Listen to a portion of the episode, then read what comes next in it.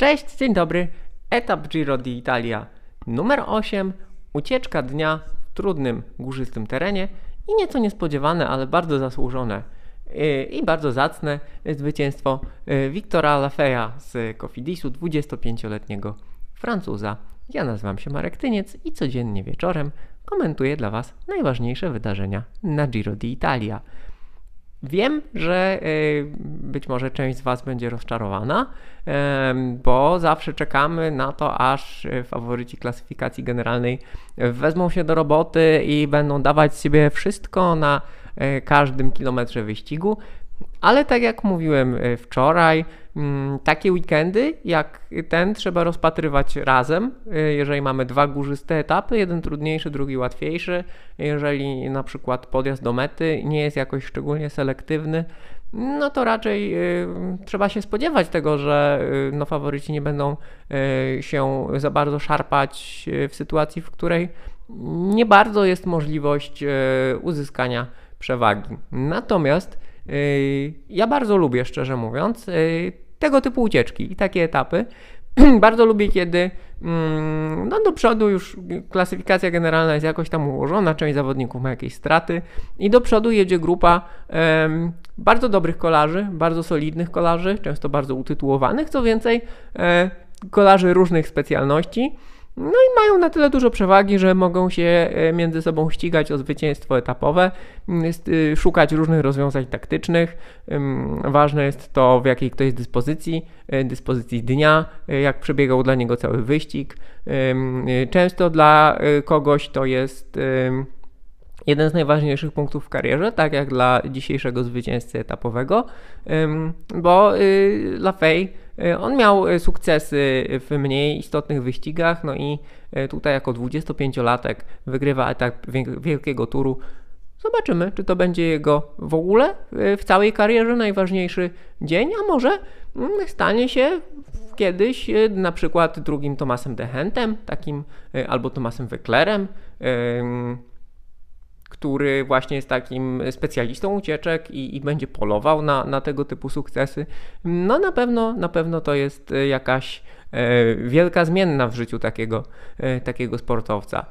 Bardzo fajnie jechał Wiktor Kampenarc i jeżeli chodzi o, o tego zawodnika, ja bardzo chętnie na przykład przeczytałbym z nim jakiś wywiad, bo trzeba pamiętać, że to był specjalista jazdy na czas, jest aktualnym rekordzistą w jeździe godzinnej, a od jakiegoś czasu widzimy, że zaczyna się specjalizować w ucieczkach, e, próbował swoich e, sił w klasykach i bardzo chętnie e, no, przeczytałbym czy usłyszałbym jakąś jego wypowiedź na temat mm, właśnie jego podejścia do takiej, do takiej zmiany, zmiany w karierze, bo zmiana jest duża, tak? Widać, że jakby szuka możliwości ataku, jeździ agresywnie.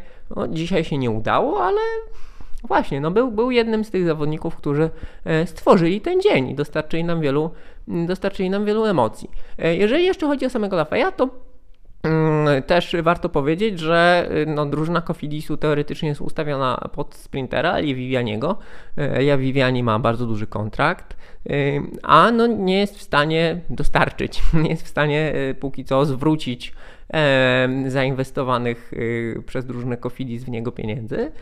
No i widać, że tutaj taka ucieczka, bo nie wiadomo jak Vivianie mu pójdzie w dalszej części wyścigu, tych szans dla sprinterów znowu tak wiele już nie ma, więc taka ucieczka zakończona powodzeniem jakby rozlicza wyścig dla drużyny Cofidisu, sponsor powinien być e, zadowolony, dyrekcja zespołu powinna być zadowolona, no bo jakby mają tą ekspozycję w mediach, e, mogą na koniec sezonu pokazać, że tak, wygraliśmy etap wielkiego turu, to jest dla wszystkich bardzo cenne, dla dla, pracowników, dla zawodników, no i dla samego y, zwycięzcy.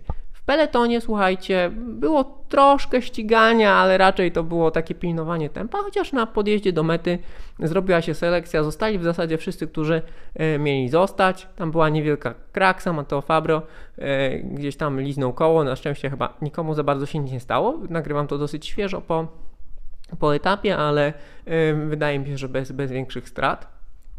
No i tak to wyglądało. No, Atilia Walter dojechał w peletonie bardzo fajnie.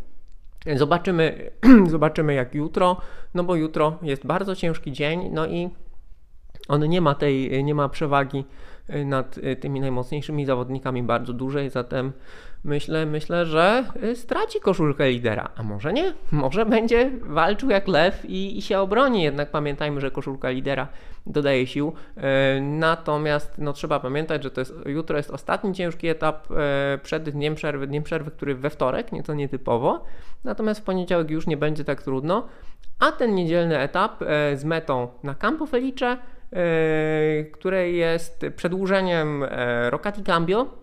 E, ciężki podjazd, ostatnie sekcje 10, 10% i shooter. I shooter, więc zobaczymy. A cały etap góra-dół, góra-dół, góra-dół.